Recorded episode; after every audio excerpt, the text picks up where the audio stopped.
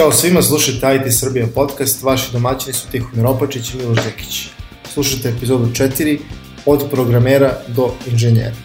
Pre nego što se bacimo na ovu temu intenzivno, uh, želi bismo samo da napravimo mali osvrt na, na ono što smo do sada postigli sa ovim podcastom. Imali smo tri epizode, Tihomire. Tako je.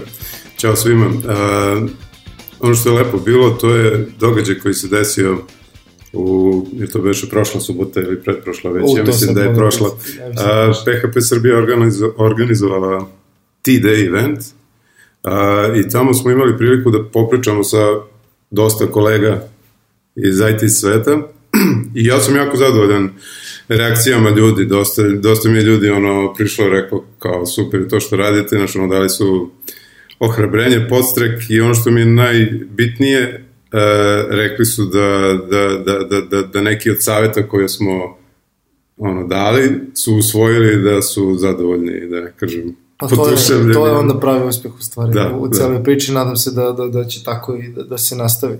Malo smo ekskurziju napravili, čini mi se sa prošlom epizodom, ovaj epizod je bio na engleskom jeziku i ja ne znam kak, kako su, šta su tebi ljudi govorili, ali meni su rekli da to sasvim ok zvuči i da, da nema nikih problema da nastavimo ponekad i na engleskom jeziku. Pa jeste, da, sad, mislim, niko ne zna gde će da nas odnese ovaj put uh, programiranja, a, snimanja podcasta o programiranju, ali ovaj, svakako ćemo, mislim, mi smo u kontaktu apsolutno sa, sa ljudima koji nas prate i onima koje potencijalno ovo interesuje, pa ćemo u zavisnosti toga šta je njima naj korisnije, najbolje, najzgodnije i mi da, da idemo u tom pravcu, sigurno nećemo da, da insistiramo na nekom formatu koji ne bi bio. Tako, mi smo sada napravili jedan intervju u stvari sa, sa, sa dva čoveka koji su prilično relevantni u PHP zajednici, ali a, to ne znači da ćemo se mi na bilo koji način ograničiti na PHP zajednicu, niti na programiranje, ovaj, ali ono što moram da naglasim je s obzirom da se mi na ovaj ili onaj način bavimo programiranjem, to će biti vrlo često tema. Evo, danas ovaj, smo baš uzeli jednu veoma karakterističnu temu, pogotovo za naše prostore, koja ovaj, možda izgleda naivno, ovaj, a to je na, kako ljudi nazivaju to radno mesto, ovaj, ljudi koji se bave programiranjem. Zbog čega misliš da je to bitno, sad pre nego što krenemo u, u, u razradu teme? Zašto je bitno uopšte, a, znaš, za, za mene je nekako uvek bilo programer. Nebitno je da li si junior, eh, mid-level, senior, Pa jeste zato što si ta generacija, znaš, ovaj, nekome, nekome je bitno, nekome nije. I to je uvek stvar percepcije. Uh, I mi uvek možemo sad da izvedemo, ok, na kraju krajeva, kako se ti zoveš nije bitno, kako se zove tvoj povijed, bitno je šta radiš, koju vrednost donosiš i gde su plodovi tvog rada. Tu ćemo se uvek složiti. Međutim, to je suština. I suština je bitnija od forme, ali forma nije nimalo nebitna. A, postoji različiti uglovi gledanja i mi ćemo o tome danas razgovarati naravno, različiti uglovi gledanja o tome kako treba da se zove određena pozicija, ali ljudi uh, rade razne stvari u životu, uh, edukuju se na različite načine, završavaju fakultete, završavaju različite kurseve, dobijaju različite sertifikate i među, među lju- ljudima postoji razlika koja proizilazi iz toga čime su se oni bavili, šta su radili. Znači, kada bismo se bavili time, kad bismo, bismo rekli nije bitna titula, onda bismo sve one što imaju neke tamo Microsoft sertifikate, Linux sertifikate, eh, Cisco sertifikate, tako da bukvalno bismo rekli e, poj pike ne važi zato što nam nije bitno kako se zove, ali je ipak bitno. Tako da, Jasno. iako deluje negde is, is, ovako is, na prvi pogled kao čista forma, nije čista forma. Iako mi ležano u raz, razgovoru možemo jedni drugo nazivati kako hoćemo. Evo, mislim, moje, mo, moje radno mesto, moja titula se zove Software Solutions Evangelist. Mm -hmm. Mislim, tu veze nema s programiranjem kad malo razmišljaš, iako se ja de facto Da. određeni procent svog vremena bavim programiranjem. Ali ima razloga zašto postoji ta titula, zašto i tako dalje. Možemo o tome negde i kasnije da pričamo. Jasno. Ok, ajde onda krenemo od, e, od ne, nekih najranijih početaka budućeg programera, uslovno rečeno. Ili inženjer. Ili inženjera. Znači, osobe koja će se baviti IT-em, možda onako, e, da, da, da klasifikujemo to. ono što sam ja primetio je da većina, ako ne svi, uh, programeri ili, ili kolege iz, iz, iz našeg posla su kad su bili klinci voleli na neki način tehniku, voleli su pre svega ono, da, da, da vise na, ig, u, u zabavnim parkovima, luna parkovima, na igrama, ovaj, da, fliperima, da, fliperi, da, znaš, uvek je nekako tehnika bila prisutna u njihovim životima.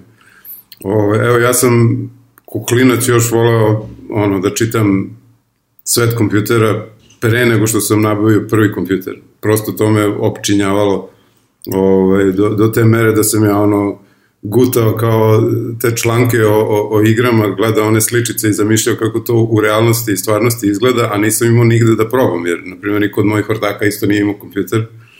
I onda sam ja, a, mislim, moja želja da, da, da, da vidim kako to izgleda bila tolika da sam ja bukvalno čeparca svaki dan kao štedeo sve što ostane, ono, neki put nisam ni jeo u školi, kao samo da, da što veće gomilu para napravim. I onda kad sam napravio otprilike pola para za taj Commodore 64, moji su bili zgranuti kao fazon, jesi ti normalno, otkud ti te pare, kao, pošto da štedeo sam.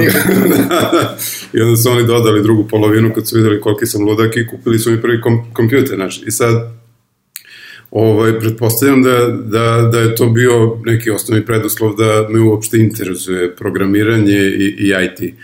Ovaj, ka, kako je tvoje viđenje? Znaš, da li imaš ti neki kolega koje su kao iz, iz, iz nek, nekih ono osnovnih kao dečačkih ili, ili ono, kako se kaže, ranih interesovanja počeli nenadano da se bave IT-em ili programiranjem? Pa imam i to ono što je recimo sad malo razlika između tvoje i moje generacije je što je već kad sam ja došao na red, po, to je nešto postalo veoma popularno. I onda sad odjednom se svi time bave, sad svi smo IT-u, mislim, kad ja kad razmislim iz, iz mojeg nekog društva i tako, to je jako puno ljudi koji je u IT-u. I ovaj, veoma se vidi razlika između ljudi koji su, kako si ti sad opisao, negde od, od svojih ranih početaka, ajde se tako izrazimo, nekako ljubili tehnologiju, od ljudi koji su e, uletili u to iz, iz, iz, iz možda čak nekog interesa iz, i tako dalje i tako dalje. Um, ja recimo, moja priča nije mnogo drugačija od tvoje, a s tim što je neko ljubav prema tehnologiji sam ja dobio direktno od, od, od oca, mislim, koji je radio, znaš, u vojsci, mm -hmm. imali smo pristup tehnologiji. Naravno, ne, ne, ne, ne nekoj tajnoj tehnologiji, ali, znaš, imali smo onaj neki Spectrum kompjuter koji, Aha. koji ono, staviš kasetu pa učitaš igricu, ono, i da, to da. je od, mislim, od veoma, veoma mladih dana sam ja već imao dodir sa računarom i sad to su se, kad su počeli kompjuteri, bar u mom okruženju, to je bilo ono 386, 486, pa bužiš pa kupiš Pentium, ono Pentium, to je bilo, mislim, da, ne znam da, da. šta sada, otkrivenje i onda su to, to ljudi počeli da se interesuju, klinci pre svega zbog igrica, mm -hmm. ali uvek su bili neki oni koji su išli malo dalje, pa su čačkali po ono, rastavljane onaj operativni sistem, provaljivali šta su procesi, tako, to je ja kad sam došao na fakultet, oni meni pričaju, uče me šta je tamo kontekst procesa tamo neke ono arhitektura računara, mm -hmm. znaš. Ja razmišljam, čovječe, pa ja sam ovo se već negde skapirao dok sam tamo hakao, razumiješ? Pa da. Tako da to, um, mislim da to neko rano interesovanje samo može nekad u, u budućnosti da doprinese da ti, uh, da se ti malo detaljnije pozabaviš stvarima koje radiš, a ne da, da uđeš u njih onako kao pao s Marsa, iako da se ne lažemo, dosta ljudi tako ulazi mm -hmm. danas u tehnologiju i puno koncepata znaju, a jako malo ulazi negde u dubinu. Znaš šta je meni jako interesantno?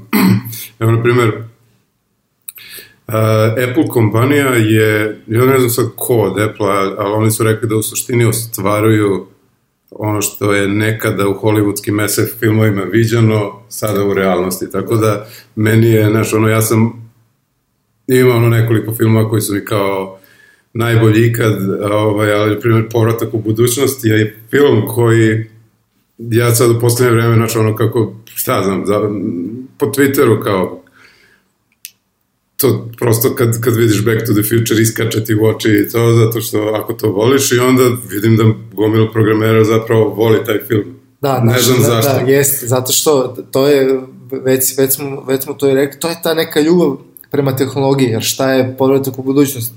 Čovjek je smislio vremeplov, to je čista tehnologija. Da, Sad da. kako je to njemu pao na pamet kada je zveknuo glavom, ne znam, u WC šolju, pa mu je pao na pamet te neki onaj flux capacitor, Da, tako da, da. dalje, tako dalje, tako dalje. Sve to je siguran sam svima koji su bili klinci tada bilo zanimljivo, to je kultni film, ja redko koga nađem da nešto ima da kaže protiv tog filma. Mislim da on nije jedini, ali je strašno dobar predstavnik uh, onih filmova koji su nas inspirisali. Znači, ima tu raznih, na primjer, Star Trek, no, mislim, danas svi furamo tablete i klikćemo, a sećam se ono u Star Treku uvek ima onaj neki pad, ono kako Da, se da, to da. zove, razumeš da su oni tako vrtili, Aha. kliktali, razumeš što je, to su se svi ložili na to maksimalno, Jeste. znaš, i danas kad pogledaš kako izgleda tehnologija, to zapravo dosta liči na te Star stvari. Trek je, ja mislim, do, najviše inspirisao ovaj, današnju tehnologiju. Da, po, zbog, po izgledu, da, da. Forme da, i pozanima ono, koji, se, koji se furaju. A isto tako, na, naš druga neka sfera filmova, na primjer Wall Street, ne znam da li si gledao ono, Pa, kla, klasika, ono, da te, terzanske manipulacije i to. Na primjer, meni je to uvijek bilo uh, interesantno sa, sa te neke druge strane kako se ljudi bore, pa ono kao, mo- možda zbog takvih filmova je sam se kao odlučio da se bavim preduzetništvom i, i, i uopšte naš ono tim a, biznis avanturama, mislim, generalno naš, um, Preduzimač, vrlo interesantna ovaj titula. da, da, entrepreneur. Može, možemo i, i toga da se dotaknemo. Jeste, tako da uh, ono što, što, što bi ja hteo samo da kažem, da zaključim ovu kao inspiraciju ovaj, ljudi dok su klinci, uh, je da, da su na mene jako velik utjecaj imali ono, filmovi generalno, pogotovo Hollywood, ovaj, i, i, i apsolutno ne bih zanemario uh, ono, ako mogu da dam neki savet kao budućim roditeljima je da ne zanemare tu činjenicu šta im deca gledaju i da vide šta ih ono kao interesuje da bi kasnije u srednjoj školi ili na fakul, kad krenu na fakultet znali gde da ih usmere, jer ako dete voli Da. SF filmove, verovatno je da će ga zanimati tehnologija, ako voli neki, neki drugi žan, može da se nasluti ono, u kom pravcu. Ovaj, bi to dete kasnije htelo da ide. Da, da, naša tema je inače da podsjetimo od programera do Tako je. inženjera i ono, ono što, o čemu smo mi sad malo pričali je kako neko Pre- preduslov. da, da, neki, Neki- preduslov, da. kako, se neko, kako neko bude inspirisan da, da postane programer, što bi rekao Tihomir, je. ili Da. inženjer, što bi rekao ja. Um, u stvari, hajde da, da kažemo zašto uopšte postoje razlike, koje su to razlike između tih termina. Um, kao što smo negde rekli na početku, to je zaista stvar percepcije, iako postoje razno razne formalne smernice kako treba posmatrati te, te, ta radna mesta, u stvari, te pozicije, ali pre svega i tituli, jel, pazi, ti možeš biti na nekoj poziciji, ali opet imati određenu titulu. A, to je ono, recimo u vojsci su to činovi, znaš, ti si Mhm. recimo, ne znam, pukovnik, podpukovnik, poručnik, tako dalje, ali ti imaš, to je tvoje čin, titula, ali ti imaš i neku, neko radno mesto i tako dalje i tako dalje. Um, prvo što meni uvek pada na pamet, ovaj, i, i znam da je to tako recimo na zapadu, eh, da ljudi gledaju te titule po tome kako, kako si na koji način obrazovan, znači koji je bio tvoj uh, put u edukaciji, pa se recimo kaže otprilike programer kroz koder, to je neko manje više ko nije studirao, to jest nije išao na neku vrstu specijalizacije mm. -hmm. a, u tom smislu, pa, im, pa na primjer softverski inženjer, to je neko ko je ko je završio studije, sad imaš ti studije razne razne, ima onaj computer science, ima software engineering i tako dalje, tako dalje, pa, je, pa se tu uvek ljudi nešto glože, znaš, da li, da li je softverski inženjer onaj koji je završio computer science ili on samo inženjer, pa Da, sad da. tu svega, svega i svačega ima, ali uvek se polazi od, od toga otprilike čime si se bavio, koji si fakultet završio. Um, sad mi znamo, i to vrlo dobro iz, iz, iz iskustva IT svetu, da obrazovanje može da znači mnogo, a može da znači apsolutno ništa.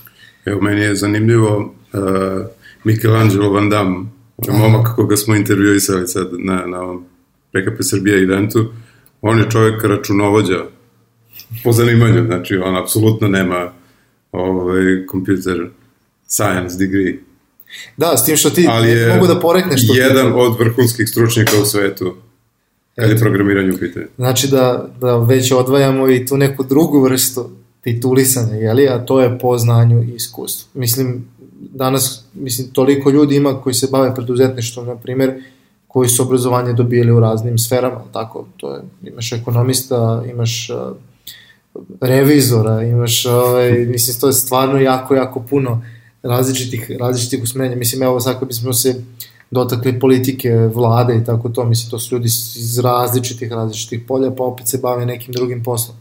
E, u tom smislu, hajde da pokušamo, ukoliko je moguće, hajde da pokušamo da te termine odvojimo po recimo drugim nekim faktorima. Znači, mm -hmm. znači ajde da, ajde da za, za, za, za moment odvojimo obrazovanje, nego hajde da probamo da se bavimo suštinom, kako znam da ovaj, većina ljudi voli.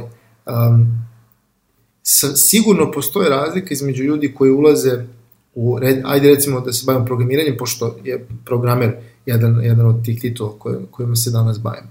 Znači, kad neko ulazi tek u programiranje, postoje ogromne razlike da li je završio fakultet koji se time bavi ili ne. Ne da li je završio fakultet ili ne. Mm -hmm. Jel tako? Znači nije isto kad ja sad završim srednju školu i odmah upadnem u to i odem recimo 4-5 godina studiram computer science, bavim se različnim programskim jezicima i tako dalje i onda počnem. Znači taj takav početak samo isključivo kod obrazovanja, odmah se vidi razlika. Tako je. Međutim, sad kada ubacimo u to individualnost uh mhm. -huh. i neke aspiracije pojedinca, šta dobijemo ljude koji su lenji, mislim, ti staviš lenjevca na fakultet, znam, mnogi smo se prepoznali, staviš lenjevca na fakultet, mislim, on potencijalno neće raditi ništa, nego će nekako proleteti kroz to smuljaće, tralala i pitanje da li naučio nešto mnogo više nego što je imao kada je završio srednju školu. A, koja je sad razlika između programera i software inženjera u realnom svetu? Evo ja iz ličnog iskustva mogu da kažem. Uh, meni je kao nekom ko isto nema fakultet uh, i koji se bavi programiranjem, često puta se dešavalo da da mi nedostaje e, znanje da brzo pređem na sledeću stepenicu, znači ono da, da pređem recimo, ajde sad ako već naš klasifikujemo, imaš programer, developer i tako dalje, te neke stepenice. Koder, haker. Koder, haker, to ja sam uglavnom ono najviše vremena provodio u onom uh, da, kao režimu hakera, znaš. Mm -hmm. Daj da ga nateram da radi. Tako je. Tako. Ovaj, pa nije bitno kako je strukturirano. I to pije vodu dok si u malim timovima. Međutim, naš, moji problemi su nastali kad sam morao da, da krenem da sarađujem sa drugim ljudima i da radim na projektima gde, koji su, ono, naš, već imaju komplikovaniju strukturu. Tu sam uh, prvi put, znaš, kad, kad izađeš tako iz uh, izolacije, ja sam radio sam ovaj, od kuće održava neke sobstvene sajtove, pravi, pravi neke sobstvene projekte jako dugo i onda nemaš ni osjećaj koliko ti znaš. I onda kad se ovaj, nađeš u društvu drugih programera, onda skapiraš da ti zapravo, ajde, ja sam skapirao u tom trenutku da ja zaista dosta znam, ali da jako malo znam o strukturiranju softvera. Znači, nešto što verovatno se uči, mislim ne verovatno, nego sigurno se uči na fakultetu kao naš dizajn pattern i ostale stvari, što ti kao ajde uslovno rečeno, klinac na fakultetu, nemaš pojma ni šta će ti, ni čemu to služi, ni zašto uopšte se smaraš oko toga i zašto moraš da polažeš to. I onda kad položiš, ti si i dalje ono, verovatno ono, u ubeđenju da, da si bacio vreme, ali pet godina kasnije, kad prelaziš tu stepenicu sa ono programera na developera, tebi će biti mnogo lakše nego meni da pređeš tu stepenicu, zato što će iz malog mozga da ti se vrati to znanje i onda ćeš da skapiraš, a da, to je to, znači to tome služi. Pa to su svi osjeti. To je samo jedan primer, naš, uh, uh, iz jedne male oblasti gde sam ja osetio nedostatak znanja. Naravno, odeš ti onda ovaj, raspitaš se šta treba da pročitaš i gde da nađeš to znanje i kako da ga stekneš, pročitaš par knjiga i tako dalje. Ali pročitati par knjiga je ipak naš mesec, dva dana, opet ti moraš tu da staneš, da to konzumiraš to znanje, pa da ti se slegne, pa tek nakon ono pola godine, godinu dana ti si dobar sa tim znanjem, možeš da ga realno upotrebljavaš da. i to. Tako da je edu, edukacija po meni jako, jako bitna, naravno ako je dovoljno kvalitetna, da ti pruži na vreme takvo znanje, iako ti u tom trenutku kad primaš to znanje ne znaš šta će ti, ali kasnije će ti sigurno ono trebati. Rekli si nešto bitno, a to je, znaš, kvalitetna edukacija. evo sad recimo, ja poznajem puno ljudi koji su završili ETF. Jako puno ljudi. Ovaj, prvo, brat rođeni moj je studirao ETF, a, moj najbolji prijatelj je studirao ETF i sad kroz njih samo koliko poznanstava sam napravio. I sad imam ja jednu internu šalu sa ljudima koji su vršili mm -hmm. ETF, ja njih zovem pravi inženjeri. Ovaj, kad, god, kad god recimo se čujemo pa pričamo tako, ja sam od uvek u razgovoru s njima video koliko meni fali. Ja sam završio fond. Znači, oni su de facto u, u smislu software engineering dobili mnogo, mnogo veći obim znanja. Mm -hmm. Znači, mnogo su tu išli dublje i da. mnogo bolje razumeju stvari koje rade. Znači, evo ti sad rekao, na primjer, znaš, učit ćeš nešto na fakultetu, a nećeš skontati zašto ti treba. Ali razlog što ga nećeš skontati varira. Znači, evo recimo na fonu se jako puno uče koncepti. Mm -hmm. Baš mnogo. Ali se nikad ne zalazi dovoljno duboko u suštinu. Da. Znači ti konceptualno da. na fonu dobiješ jako puno, strašno puno stvari, vidiš, opipaš i tako dalje. Međutim, ona je tamo na ETF-u, i to je realnost, je otišao u dubinu na neki sistemski nivo i tako dalje i tako dalje. Onda sutra kada ti pričaš o nekim strukturama podataka ili nešto, njegovo, njegovo razumevanje kako to on osjeća i mhm. opipava je mnogo, mnogo veće. Da, da. I to je velika prednost znači drugačije edukacije. Naravno, mi sada pričamo o razvoju softvera, postoje mnoge druge stvari gde gde je recimo neko ko je završio fon bolje prolazi neko ko je završio ETF, baš zato što se bavio konceptima i to mnogo više koncepata nego što se bavio ove druge, ali to je, različiti su fakulteti, znaš, a ti ne možeš uvek da biraš šta ćeš da radiš, baš ono, čim završiš fakultet, to pogotovo ne u Srbiji, mi znamo kakva je situacija. Ali pošto evo pričamo o programeru, ti si rekao da je sledeća stepenica developer. Developer, da. Mislim, šta je razlika sad između ta dva? Počeo si da opipavaš arhitekturu softvera? Ja mislim da je osnovna razlika, mislim, ajde sad da zanemarimo arhi, arhitekturu, odnosno sposobnost individualca da projektuje sistem, ajde da kažem. Ove, ali ono što je naj, naj, uh, najveća razlika između developera i programera po meni je da developer može da primi zadatak od menadžera, odnosno nekoga ko nije programer, mm -hmm. i da mhm. ga sprovede u delo bez tuđe pomoći. Znači, meni kaže menadžer, slušaj, treba mi taj taj feature na toj toj aplikaciji i ja odmah u glavi vizualizujem strukturu baze podataka, vizualizujem uh, koji ću dizajn, dobro, aj sad manje više ti dizajn pattern i ostalo, ali znam kako, šta, je, šta ću da stavim u model, znam šta ću da stavim u kontrole, šta ću da stavim u Amsterdam Center. Znaš, meni u glavi odmah to da, odmah raste. Se vizija neka stvar. Stvori da. se vizija, meni ne treba niko da mi kaže da li je to dobra ili loša vizija, što ja znam da je to dobra vizija i, da. i siguran sam u sebe da mogu da sednem i da napravim to sam bez da pitam nikoga za savjet. Da, ja bih pokušao da sad da, da kažem koja je razlika između sad developera, kako ti kažeš, i softskog inženjera. Um, dosta ljudi koji se bavi programiranjem su manje više ograničeni na određenu tehnologiju i manje više u toj određenoj tehnologiji na određeni pristup, framework. Izvini, ti sad već prešao na developer versus software engineer. Jesam, zato što bi, nekako, nekako bih hteo da da, da, da vidim koja je to razlika aha, svih aha. njih, pa ono negde... Aha, aha, kapiram. Um, znači, je li tako, dosta ljudi je ograničeno yes. po tehnologiji. Mislim ti, evo recimo, opet ćemo se morati dotaći uh, edukacija, ali pazi, ne samo edukacija fakultet, nego, mm -hmm. mislim ti kao pojedinac u, IT-u, ako se ne baviš kontinualnom edukacijom, ti, ti stagniraš. Ono. Da. A mi, mi znamo iz mi sa Fona imali smo jedan ovaj predmet, zove se teorija sistema, gde bukvalno, znaš, učiš, ako sistem stagnira, a stvari oko njega se menjaju, on u suštini nazaduje. Da. ovaj, tako da, to je veoma primenjivo u IT-u. Uh,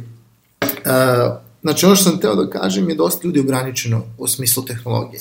I sad na fakultetu se učilo više tehnologije, je tako?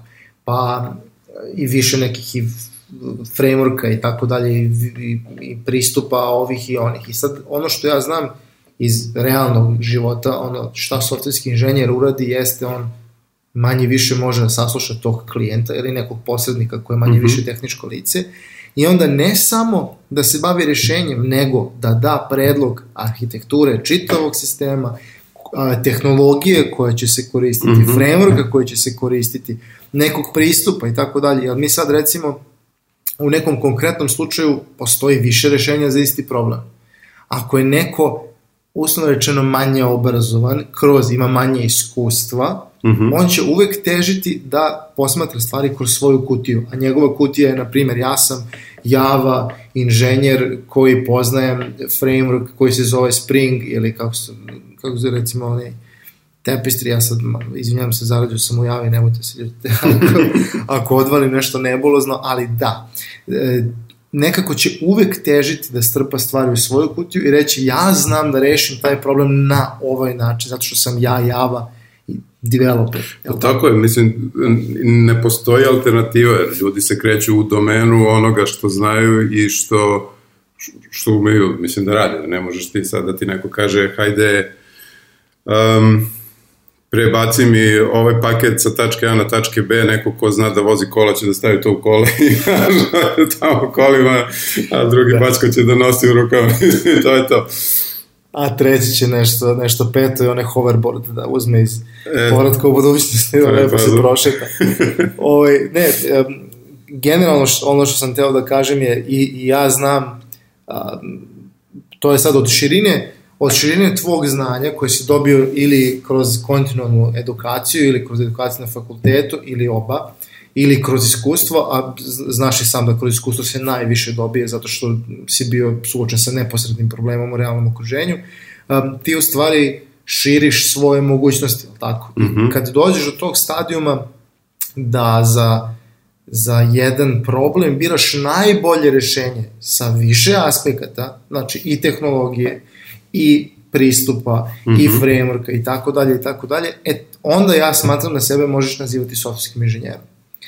Jedno si me stvar pitao na početku, e, zašto bi nekom smetalo, ovaj, evo, pošto sam ja jedan od tih kojima smeta kad mi neko kaže da sam programer, mm -hmm. pokušat ću da ono, iz, iz, izvršim jednu apologetiku mog stava. Um, u Srbiji se, nažalost, moju veliku, ustaljio taj izraz. I sad ti imaš otprilike tri vrste ljudi koji kad te pitaju čime se ti baviš, možeš da im objasniš na tri načina. Pod jedan da im stvarno objasniš čime se baviš, pod dva da im objasniš da si programer, a pod tri da im objasniš da radiš nešto s kompjuterima. I to je to. Ne, znači dalje od toga nema. Uh, otprilike zavisi od godina tvog sagovornika, od obrazovanja tvog sagovornika i, i naravno iskustva i tako dalje i tako dalje, ali većina ljudi razume kad im kažeš programer. I uopšte ne vide da postoje manje ili veće razlike između ljudi koji se bave razvojem softvera. Ja uvek recimo sad pokušam, ja se zaista mnogo trudim da promenim tu svest kad god s nekim pričam, iako je to skoro pa nemoguća misija, da, da im ne kažem ja sam programer, nego ja se bavim razvojem softvera. Da. Znači ja da. razvijam jer pazi, tu ima više stvari, nije to samo da sedneš ono i kodiraš, ali uvek me ljudi vraćaju Znači programer.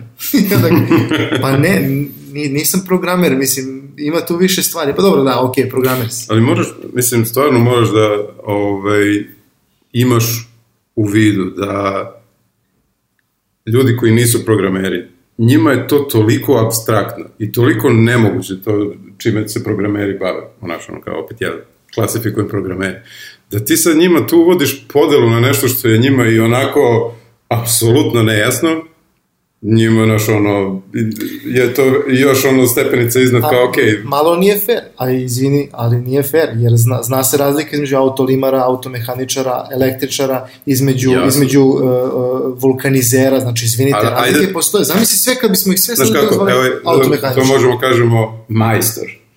Idem kod majstora, znaš. A dobro, okay. Kod kog majstora? Kod autolimara. Upravo si, ali hajde ovako.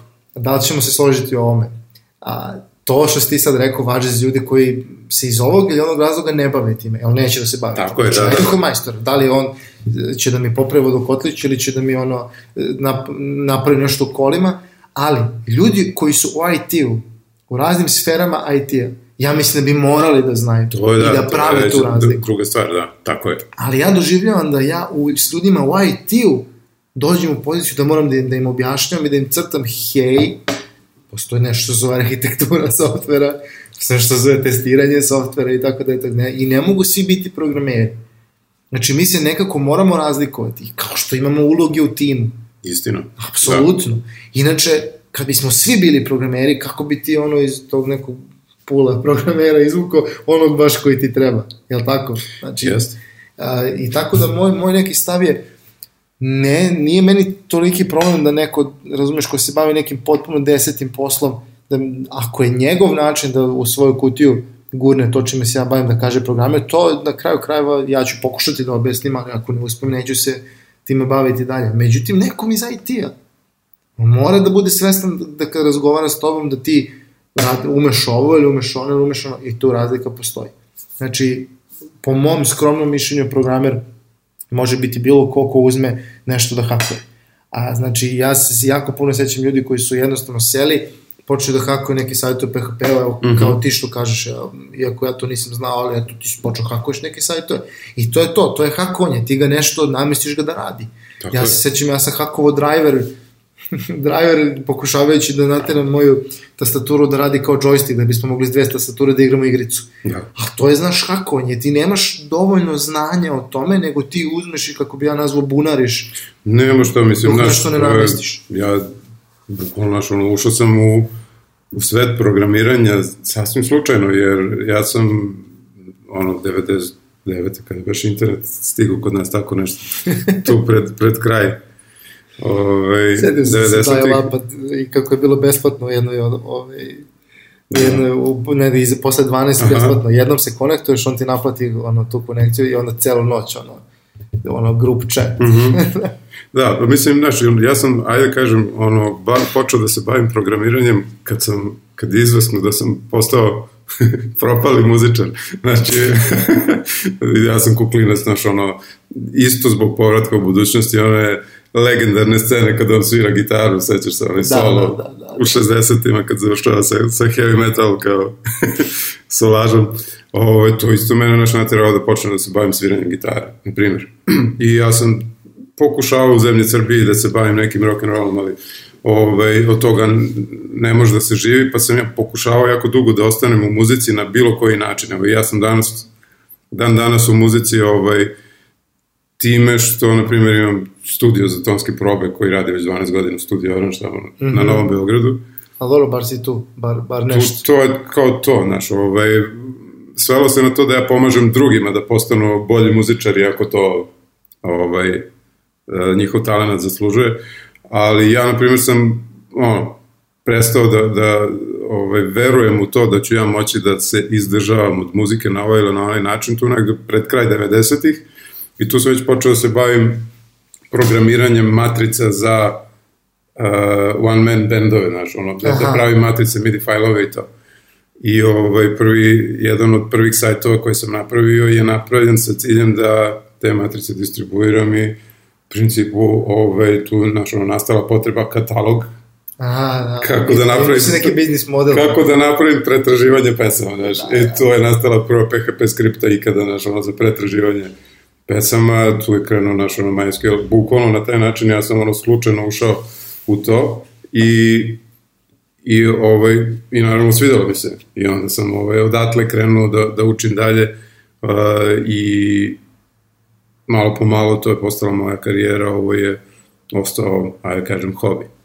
Da, i sad postoji jedan put koji si ti prešao od uh, hakera Matrica. Tako je, koji tako, traje veo već 15 godina. I sad ti meni reci da li bi ti, tebi, znam da ti ne smeta da ti neko kaže da si programer, zato što to odmah vezuješ u glavi i to čini mi se intuitivno, verujem, mnogi to rade, vezuješ ja se bavim programiranjem, stoga ja sam programer. Ali je to i dalje slang. Znaš kako, ja kao neko ko nije završio fakultet, ja ono, stvarno sam bio ono, 90-ih ogorčen i na državu i na ono, obrazovni sistem u tom trenutku i na sve da, ono, i sad opravdavam taj svoj stav iz 90-ih da upisati fakultet u ono vreme je vredelo samo ako želiš da izbegneš služenje vojske. Ove, bukvalno, bukvalno, znači to je bio potpuni ono raspad sistema. Sada je moj stav potpuno drugačiji, znači sad kogod ima ikakvih uslova da upiše fakultet, treba da upiše fakultet i tu je tačka. Ovaj, ali, znaš, ja ne, ne žalim ni ni, za, ni, ni, ni zbog bilo koje odluke koje su donali u bilo kom trenutku mog života, pa tako i te odluke da ne upišem fakultet nikada, ali... Jesi nilazio na predrasude po tom pitanju, recimo? A, pa nisam, da, ali možda je ostala predrasuda u mojoj glavi, da ja ne mogu sebe da nazovem softverskim inženjerom ako nemam diplomu, kapiraš? Pa ne, ali to nije tačno, mislim, ja moram da ti kažem, Znam, jer, znam, jer, ali- mislim, ako ti možeš da zauzmeš tu poziciju i da, da, na, da na njoj ono, imaš odlične performanse, ti, ti je de facto si softverski inženjer. Znači, tu, znaš, je- jedno je sad tu titula, a drugo je suština. To je ono što ja govorim. Jer ta titula je ništa bez suštine. Znaš, da, da, mislim, meni, ja puno ljudi znam koji su završili ETF softversko inženjerstvo, ne, ne, ne puno ljudi, ali znam određeni broj ljudi koji ja nikad ne bih mogao da kažem, znaš, da je on neki sad softverski inženjer, jer znam na koji način je prošao kroz, eh, kroz te studije i znam da to znanje koje je pokupio, pa čak i da se nešto zadržao u malom mozgu, mislim da je neupotrebljivo. I onda je to samo titularni neki softverski inženjer, je li tako? Tako je. Međutim, imaš i realni softverski inženjer, je li tako? Ti de facto to možeš da radiš. I mi danas znamo i to je, u jednom određenom momentu je to počelo, više ljudi ne zapošljavaju, pa je uslov da imaš fakultet. Naprotiv, ja sve više, pošto pratim scenu i u inostranstvu i ovde, ovaj, mislim, poslova, a sve više i više se fakultet stavlja u ono poželjno, a ne kao ono requirement, kao neophodno. Jeste, da. Znači, to veoma mnogo govori. To govori da su ljudi prepoznali, ok, zapošljavam indi- individu, ali tako, koja, je, koja može poneti određenu titulu po znanju. Jer suštinski niko te neće danas više zaposliti Da. samo zato što si ti... Kao, kao što smo već u onoj našoj prvoj epizodi pričali, ono što je najbitnije je da, da ti brzo usvajaš znanje. I ako prepoznam Tako je. tu osobinu kod kandidata, ja hoću njega da zaposlim. Ako on nema tu osobinu, znaš, ipak fakultet služi u tom smislu kao neki pokazatelj te osobine kod ljudi, da li su oni dovoljno uporni da završe ono što su počeli. Jer nije lako završiti fakultet. I ima na svakom fakultetu verovatno dosadnih ovaj, stvari koje Pa, dobro. moraš da... ne, ne mogu da kažem da je meni bilo lako da završim fakultet, ali ovaj, mislim, Dobro, mislim da, da, da, da nam je obrazovni sistem sve gore, tako da, ali znaš, ne, ne mogu kad ne znam, kad ne vidim ono iz prve ruke. Ono što sam vidio iz prve ruke nije bilo baš dobro, ali obećavam jednu emisiju na tu temu.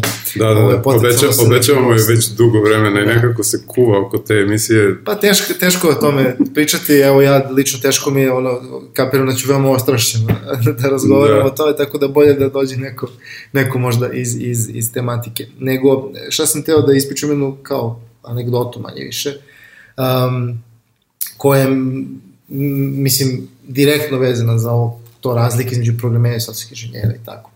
Kad sam ja na jednom momentu hteo da promenim posao iz svoje prve firme, ja sam poslao svoj CV na puno, puno adresa. I jedna od, od kompanija me pozvala na intervju i ja sam otišao e, da bih seo da razgovaram sa ljudima onako normalno, opušteno, dok nije došao taj neki tehnički intervju, gde je došao mene da intervjuše taj team lead. Taj team lead je vodio neki tim od recimo 20 ljudi, Slo, mm -hmm.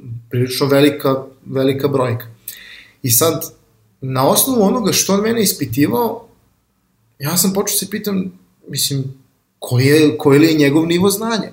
Jer su pitanja bila smešna, mislim, mi, mi smo, zaista su bila smešna, onako, pitanja, otprilike, ne moraš ni da si završio fakultet, da si niš, ikad išta čuo, već možeš da odgovoriš na pitanje. Da. I onda sam ja nekako uspeo u tom razgovoru da se okrenem na opačke i da se ja ispitujem njega. Mislim, ne mogu da objasnim kako se to desilo, ali desilo se nekako. Onda sam ja njega pitao, znaš, prikriveno možda onim, kao šta vi radite, ono, koliko je to zanimljivo. Dok nisam skontao da oni ljudi imaju ogromnu aplikaciju i sa jako puno klijenata, a koja nema nikakvu arhitekturu. Da. Znači, to je neko ishakovao bukvalno, međutim aplikacija je zaživjela, ljudi su počeli da je plaćaju i sad odjednom su okupili ogroman tim ljudi da to nastavi da hakuje. Mm -hmm. I oni u tom momentu barem nisu ni razmišljali o promeni te arhitekture, nego samo da iskakuju da to radi, da podrži taj, tu količinu klijenata koji su pristizali.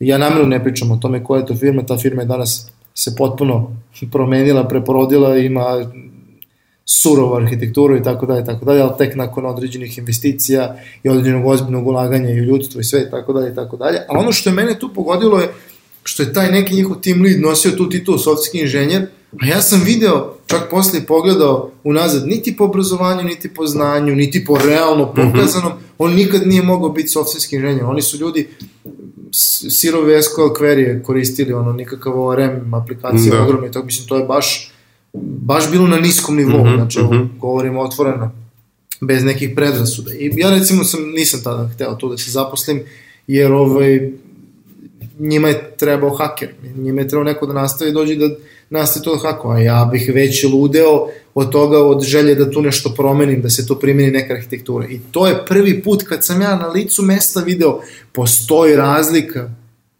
između yes. tebe koji si pravi, mene koji je softverski inženjer. Ne, neka sad razlika se ja postavim na visinu, ali već, već je tu jasno, recimo, ja nisam mogao da radim u takvom okruženju. Jasno, mislim, apsolutno je tu stvar e, širine, znaš, ono, da li neko razume i sagledava to kao problem ili ne.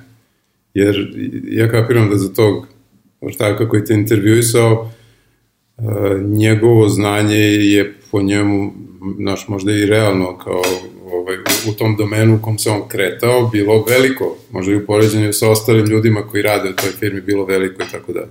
Ali ti kao neko ko si došao sa, sa nekakvim drugačijim predznanjem i uopšte znanje o boljem strukturiranju sistema, softvera, možda i kompletne kompanije, tima i tako dalje,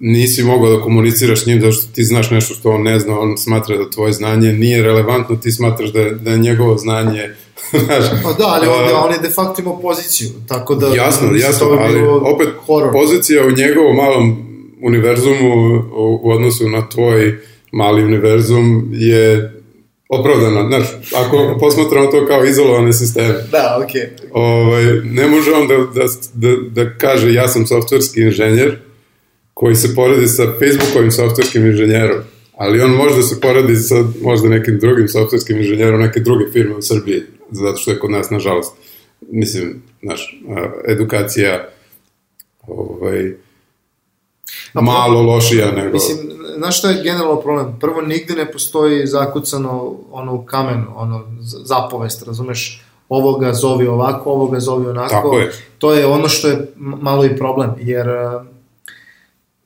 generalno IT je ono eksplodirao u smislu broja radnih mesta i tako dalje. U jednom momentu samo eksplodirao, tako mislim. Negde krajem prošlog veka je to postala jedna veoma turbulentna industrija i sad prosto čini mi se da na, na svetskom nivou nije se stiglo da se baš izmapira sve. Znači, ko je, ko je od samog početka imao pravilno neko, mislim pravilno, ovo rečeno, neko iole strukturirano, strukturiran sistem titula. Znači, velike firme kao što je Microsoft, oni od pamtiveka već imaju jasno definisane titule i ti ne možeš Ne možeš zauzeti neku titulu ako ne možeš da je opravdaš. Jasno.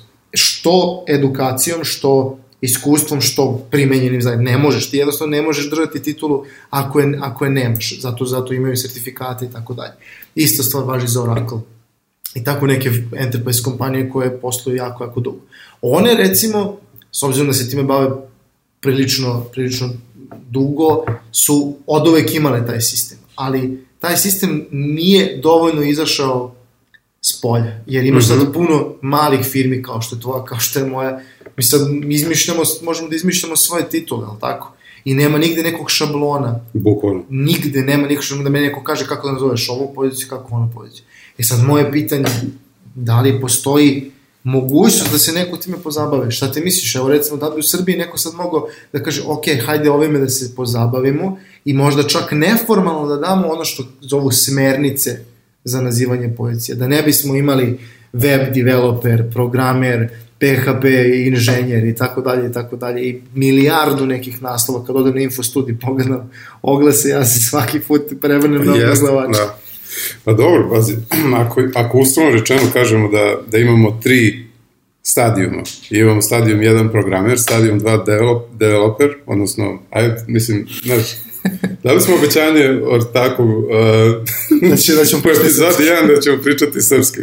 I meni to iskreno, evo, grešan sam, ne polazim iza rukom, ali stvarno meni toliko taj engleski ono ušao u, u, u u svakodnevni tok razmišljanja da je meni lakše da odvalim reč na engleskom nego srpskom. Sramota je, ali tako je. Mislim, i, i, i jako je teško prevesti reč kao što je developer na srpski, kako to da uradi, mislim, teško, nikako. Ah, mislim, ajde da diskutujemo neki drugi dan. ali dobro, znam, okay. ali da, ajde da kažemo ovako, imamo programer, developer i imamo software inženjer, odnosno engineer. I mi... softverski inženjer to, to može, mislim. Softverski inženjer, to je, čak, to je mislim okay. da, čak mislim da ti ono kad prijavljuješ ljude da, da ti imaš baš ti to informatički inženjer, softverski inženjer i tako to. Mislim da to zvaničan čak i to u, da, u Republici moguće. Srbiji. Mm -hmm. Ali to bi, evo, recimo, jedna od stvari koje bi mogli da uzemo na sebe da to proverimo, pa možda čak u sledećoj da. epizodi da, da, ili u, u komentarima ili na, u komentarima tako da otkrijemo na, ne, neke, nešto što smo na, nešto što smo naišli ali je. ono što bih ja voleo zaista bih voleo da, da ljudi kažu svoje viđenje ovoga. Mislim, ja sam jako puno članaka čitao na engleskom jeziku um, na ovu temu, da. jako, jako puno i čak, čak mislim da, da je u redu da, im, da, da. da stavimo u ja, da, linkove. Da, da. Svakako bi ja, ja priložio te linkove. To ozbiljna uh -huh. diskusija u svetu postoji na tu temu. Tako je. U principu, ajde ono, ovo što smo sad pričali, ovaj, možemo već da, da kao uh, stavimo neke okvire i da definišemo šta je to programer.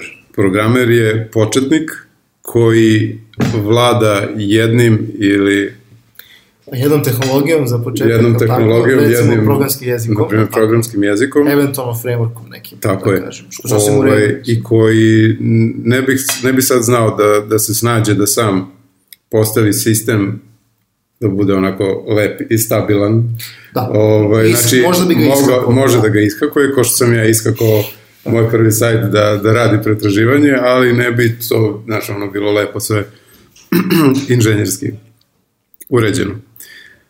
Stadium 2 developer je neko ko možda već zna da koristi više tehnologija i koji je možda dobar u, u, u aj, opet znaš, ono, u, u sferi programiranja dobar sa strukturiranjem koda, Dobro, da. definitivno da, poznaje da. objektno orijentisano programiranje. Da, pa ja, na što bi ja možda rekao? S obzirom na to da programeru generalno fali arhitektura softvera, ali tako, mm -hmm. na ovaj ili onaj način. Mm -hmm.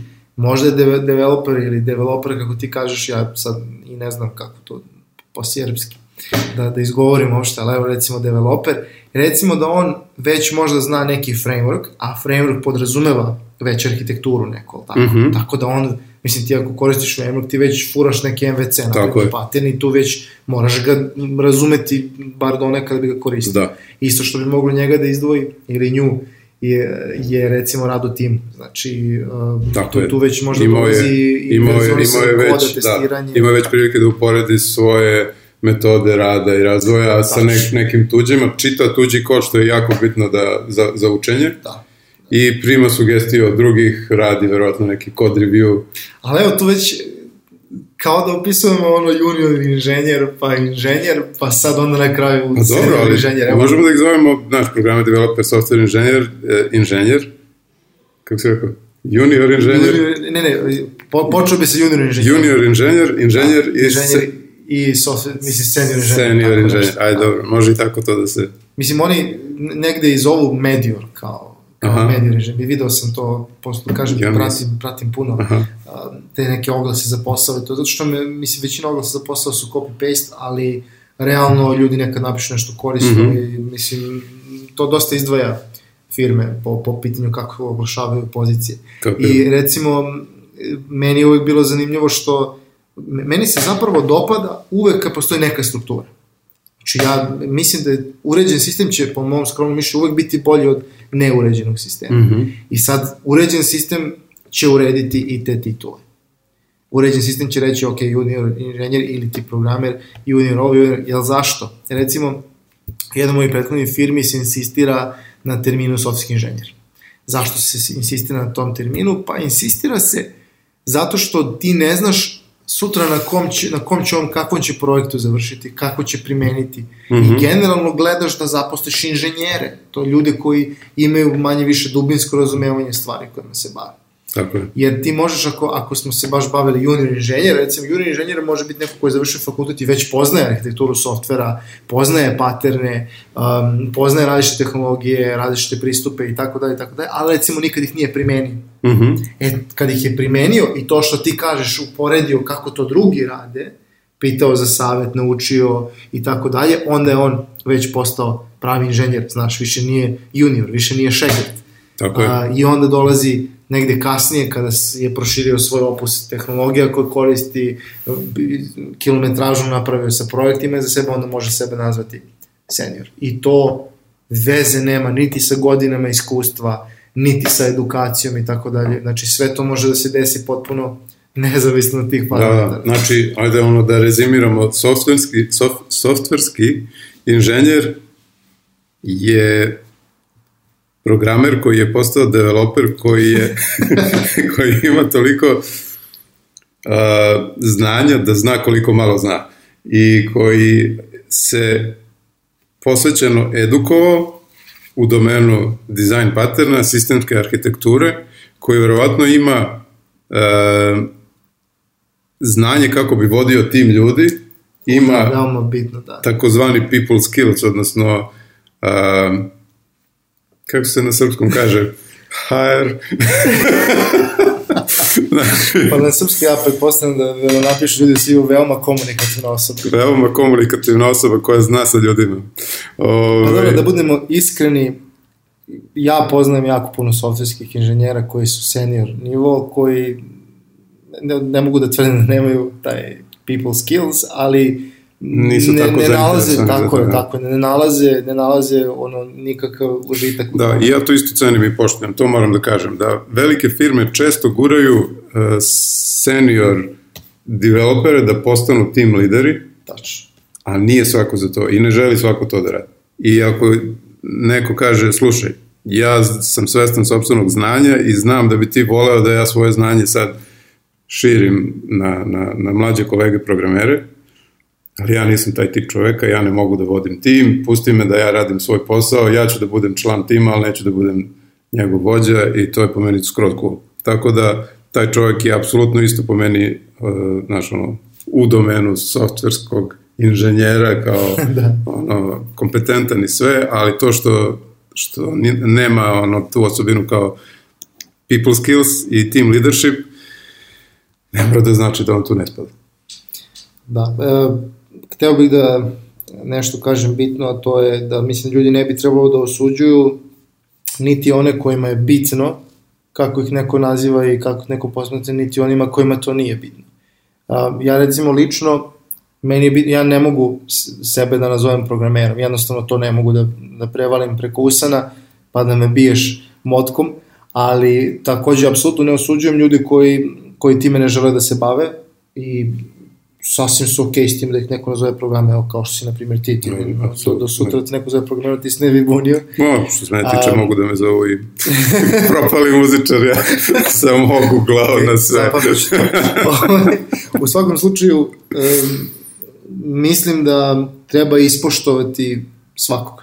Znači, ukoliko je nekome bitno, mislim da treba da obratimo, da obratimo pažnju, jer ovaj, postoji razlog zašto mu je bitno, ali tako? Naravno, da taj razlog može da bude sujeta, gordost, šta već, može da bude taj razlog, ništa to nije neljudski, ali generalno ponekad postoje malo više razlozi. Znači, to je pod jedan, a pod dva, opet bih podsjetio da mislim da svi mi koji radimo IT-u bi trebalo da se trudimo da što više strukturiramo neke stvari. Između ostalog i toga ko se ko nosi koju titulu, ko je ko, je tako? Jer razlike de facto postoje, mi možda nismo uspeli sada da popričamo strukturirano o tim razlikama, Da. nego smo jednostavno onako diskutovali o tome da vidimo mislim, kako je, čije mišljenje o tome, ali otprilike sigurno da smo načeli neke stvari koje su sigurno razlika. E, Za početak, ono, uvek ćeš imati hakera koji poznaje samo jednu tehnologiju i hakuje neki Tako je. i imaćeš software inženjera koji ono sedne pa izabere ok, danas ćemo, da, ovo ćemo raditi sa Railsom zato što je to savršen framework u ovom smislu, pa recimo birat ćemo NoSQL zbog ovoga onoga i tako dalje, to su sad već neke stvari koje, kojima haker ne može da se bavi jer mm -hmm. nikad nije video, nikad nije pretorio ovaj, preko svojih prstiju nešto, nešto tako.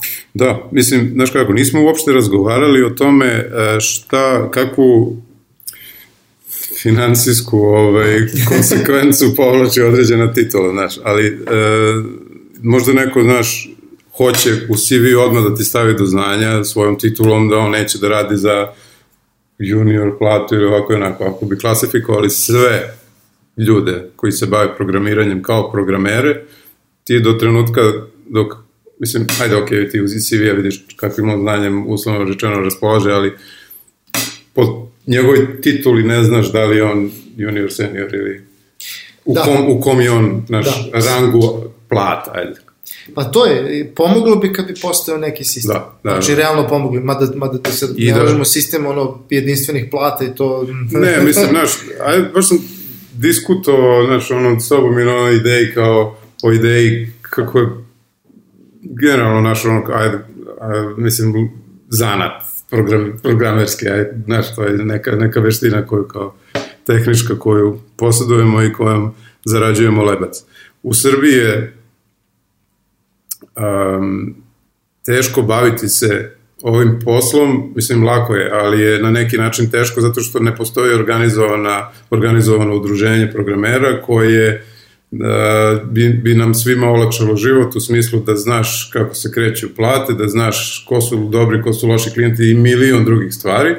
Da, ali mislim da idemo I, ka tome, evo ima sad Idemo ka tome, znaš, ono, ja mislim da, da zajednica koja je ono, stotinama i stotinama godina evoluirala, a koja je ono, postigla neki, mislim, zavidan stepen organizacija, advokatska komora, naš kod njih, ja ne kažem da treba naš, kao udruženje programera da bude tako, da imaš propisane tarife kao što oni imaju za sastavljanje ugovora za ovo, oliko, ovoliko hlebova za ovo, ono, onoliko.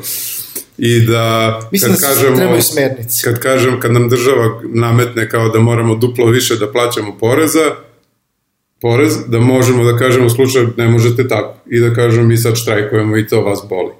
Znaš, to se ne, ne, ne dešava i ne može da se desi i neće se desiti narednih 10 ili x godina. Pa dobro, ne, ne, ja ne bih se osudio da ali, prorokujem, ali da, da treba, to moram da se složim s tom. E, I možda ne kao advokatska komora da imamo neke obaveze, ali da postoji nekakvo telo koje bi moglo da daje smernice ja mislim da bi to svima bilo veoma korisno. Apsolutno, da. Znači, I... samo toliko, ali, ali ne mora znači što neće desiti, znaš. Pa, znaš, ko što je Sebastian Bergman rekao, programiranje kao privredna grana, kao grana industrije je jako mlada i ona evoluira i ona je sad tek ovaj, negde ono, došla u, u poziciju da, da ima neku istoriju iz koje može nešto da izvuče i nauči. Mislim, Normalno. To, Pa je, da, to je lepo stvar. Treba pogledati kako je neko već rešio taj problem. Kao što bismo uradili sad da imamo da hakujemo neki software. Isto bismo to Mislim, znaš, ovo su sad kao dečje bolest, pogotovo što se tehnologija i dalje munjevito razvija i ti ne možeš više ni da, ni da klasifikuješ u domenu IT-a do, do skoro nije postojalo zanimanje uh, menadžer socijalnih medija, ili kako se to zove, znaš? Aha, community manager. Community manager, da. da. Znaš, šta je community manager? Jest, jest. I, I to tako, znaš, ono, u, uleću novi, novi, nove tehnologije. Pa dobro, i ljudi malo izmišljaju tu toplu vodu, mislim što je potpuno pravo svačije, znači da se zove kako hoće, kao što i mi, ono, u našoj firmi smo manje više smislili titulu koju mi smatramo da je odgovarajuća, koja, koja pokriva sve ono što mi radimo, međutim, um, opet, to je jedan haos i taj haos može da napravi posledice ja lično mislim da bi svi koji se bave programiranjem trebalo da, da se zovu inženjeri, znaš, mm -hmm. da mhm. imaju drugačije stepene, kao što je, na primjer, taj junior, pa inženjer, pa senior, dok programer treba da bude isključivo slang. Mm -hmm. ovaj, znam da je tako, recimo, u Rusiji. Pričam sam s ljudima iz Rusije koji se bave IT-em, kod njih je programer kao programer, tako nešto, čist slang. Znači, mm -hmm. potpuno priznaju titule najnormalnije, samo, znaš, kad hoćeš objasniš nekom ko je van industrije, ti ono uzvehneš po to nameri, rešio si problem. Znači, da se on negde tamo bavi nekim programima, nekim softverom. Da li hakuje, da li se bavi arhitekturom, nije ni bitno. Da, znači, definitivno smo se dogovorili da kad se predstavljamo ne programerima, mi smo programeri, a kad programeri pričaju sa programerima, moramo da se namespace-ujemo. Pa bukvalno, evo, je, ne znam da li su ljudi imali prilike da vide o našem podcastu izašao jedan članak na netokraciji, koja je veoma zanimljiv portal koji tretira pitanja IT-a u regionu, gde recimo smo Tihomir ja predstavljeni kao programeri. Što je meni okej. Okay. Što je Tihomiru okej. Okay. ne, meni ne smeta. By the way, hvala puno za članak, ovaj, puno nam znači e, i nadam se da ćemo imati prilike da, da, da se promovišemo i kroz druge medije uh, offline i online, zato što smatram da ovo što, što nas dvojica radimo, naš, naša, da podsjetim, verovatno to u svakoj epizodi radim, naša svrha, svrha postojanja ovog podcasta je da edukuje i da pokuša da, da ovu našu zajednicu usmeri a, na taj način da što pre postane konkurentna vodećim svetskim a, tržištima kada, kada su usluge yes, programiranja. Što nama definitivno treba. Da. Što nama definitivno što, I što ja mislim da zaslužujemo, zato što ovaj, vas da su sa područja Balkana izlazili vrsni ono, tehnički ono, stručnjaci, pronalazači i tako dalje, što ne bi naš, ono, naše područje Balkana bilo kao Da, zašto kad neko... Vodeće u, u svetskom da, kaže ja ne vidim jedan razlog da to ne bude tako. Imamo neku reklamu, sad to je da vlada Srbije isfurala, tako nešto, nije, nije bitno, koja znam da neko je tweetovao to skoro, pisalo je na reklami high quality, low cost. Mm -hmm. I neko je dodao komentar, mene bi bilo sramota. I ja se s time slažem, što je taj neko rekao, mi ne treba da budemo low cost rešenje i mislim da je jedini korak ka tome s obzirom na naš pokazani kvalitet koji ne mogu ni ja da osporim niti bilo ko u inženjerskom smislu, mislim da bi mi trebalo da nekako zajedničkim snagama pokažemo svetu da ovde nije samo high quality low cost, nego high quality normal cost. I da treba da nas plate onoliko da, koliko to zaslužujemo, da ne postoji neka velika razlika među toga koliko je plaćen um, srpski inženjer ili hrvatski inženjer uh, ili, ili crnogorski inženjer u odnosu na to koliko je plaćen neko recimo iz, iz, iz Amerike, Kanade, Australije i tako dalje i tako dalje. Ići ćemo u tom pravcu i ja sam siguran da ćemo stići na svoj cilj. Uh, što se mene tiče, ja bih zaključio ovu epizodu ovim klasifikacijama koje smo upravo, čini mi se nekako uspeli ono da, da za, zaokružimo. Kad se dva programera nađu da priče. A to je neko, to je pit. Šta vi ste programeri? Pa pričate o programiranju. Pa Tako je. Pričam, da. Ok, hvala ovaj, najlepše na slušanju. Hvala na slušanju koji je izdržao ovaj, do samog kraja svakamu čast. Tako da vas pozdravljamo sve do sledeće epizode. Ćao. Slušali ste IT Srbija podcast. Vaši domaćini su bili Tihomir Opačić i Miloš Čekić. Ne zaboravite da nas zapratite na Twitteru, da predložite vašu temu ili zanimljivog sagovornika. Do sledećeg slušanja vas pozdravljamo uz funky zvuke benda Tutan Shoe.